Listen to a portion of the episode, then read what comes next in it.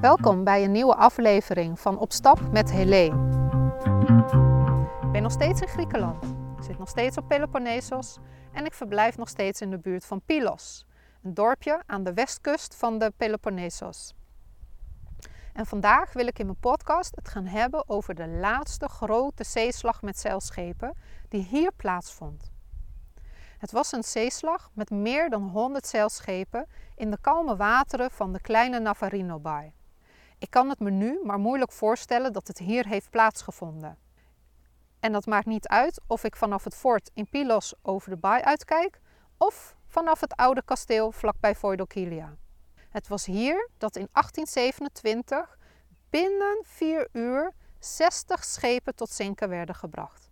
En het helderblauwe water kleurde rood van de vele doden. Navarino Bay ligt dus aan de westkust van Peloponnesos.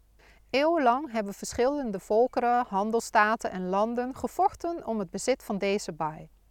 Niet omdat het land erachter zo vruchtbaar is, maar omdat het strategisch gunstig ligt op de handelsroute tussen West-Europa en het Midden-Oosten. En de baai is extra aantrekkelijk omdat het sinds 1773 maar één ingang heeft waar schepen doorheen kunnen. En die ingang is ook maar een, kilometertje breed, dus heel goed te bewaken. Een tweede, nog smallere ingang hadden de Ottomanen al eerder geblokkeerd met, naar verluid, gezonken schepen. De Navarino-baai zelf heeft een lengte van ongeveer 5,5 kilometer en is op zijn breedst 3 kilometer breed.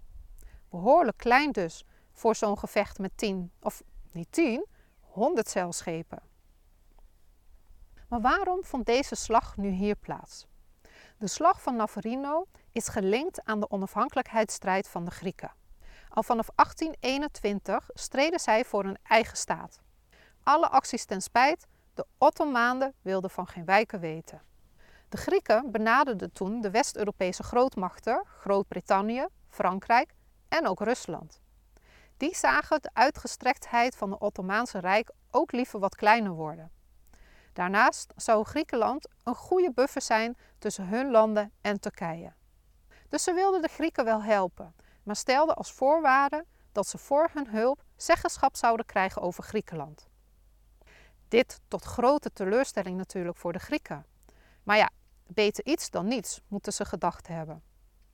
In 1825 schakelde de Ottomaanse sultan de hulp in van Mohammed Ali, de gouverneur in Egypte, om met behulp van zijn strijdkrachten de grip op Peloponnesos te verstevigen. De Grieken waren namelijk immers best wel wat rumoer aan het schoppen omdat ze onafhankelijk wilden zijn. Die gouverneur stuurde toen zijn zoon Ibrahim Pasha naar Peloponnesos. En deze Ibrahim zag de bui al snel hangen nadat een verdrag tussen de drie grootmachten en het Ottomaanse Rijk was afgewezen. Hij breidde zijn vloot in de baai toen uit tot 89 schepen, een combinatie van Turkse en Egyptische zeilschepen. De plunderingen en de gewelddadigheden van deze Ottomaanse troepen op Peloponnesos triggerden de drie grote machten om in actie te komen. De Britten, onder leiding van vice-admiraal Codrington, arriveerden met 13 schepen in de baai. De Russen kwamen met 9 schepen, onder leiding van admiraal van der Heide, een Nederlander. En de Fransen stuurden hun vice-admiraal de Rigny met 8 schepen naar dezelfde baai. De Europese troepen waren dus veruit in de minderheid, maar ze wisten de omstandigheden van de Navarino-baai beter te benutten. De Turks-Egyptische vloot stond namelijk met haar rug tegen de muur, of beter gezegd, het strand. De Engelsen, Fransen en de Russen hadden namelijk de enige uitgang en ingang naar de baai geblokkeerd. Hoe de daadwerkelijke zeeslag begon, daar zijn de meningen iets wat verdeeld over. Het verhaal gaat dat de drie grootmachten eerst wilden onderhandelen, maar dat door miscommunicatie de feitelijke confrontatie onverwacht van start ging. In de vier uur daarna werden 60 Turks-Egyptische schepen tot zinken gebracht. Dat is bijna twee derde van het totaal aantal schepen dat Ibrahim Pasha hier had liggen. Maar geen enkel schip van de drie Europese grootmachten zonk. De Turks-Egyptische troepen verloren 6000 mensen.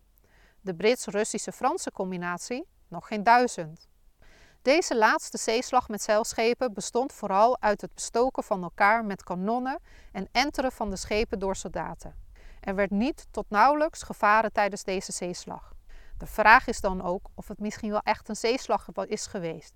Want ja, het ligt in de baai en ze hebben eigenlijk vanuit stilstand met elkaar lopen vechten.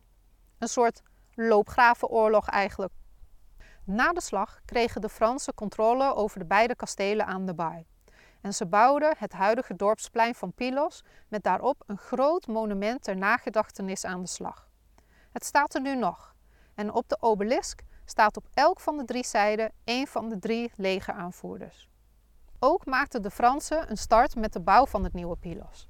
Want tot die tijd woonden veel bewoners nog op het trein van het fort of op het tegenovergelegen eiland Svateria, omdat ze waren gevlucht al destijds voor de Ottomanen.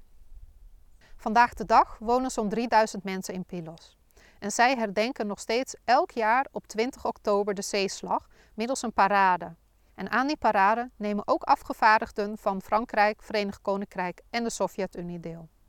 Voor de Grieken is deze zeeslag essentieel geweest voor het bereiken van een onafhankelijk Griekenland. Je ziet daarom in veel steden pleinen met de naam Plateio, mooie zandstranden en uitzichten Ik vanaf Nederlandse omregende heuvels en vooral kliffen. naar de baai als zijnde een vreedzame plek. Met mooie zandstranden en vele prachtige uitzichten vanaf de omringende heuvels en kliffen. Het is voor mij een van de mooiste plekken op Peloponnesos.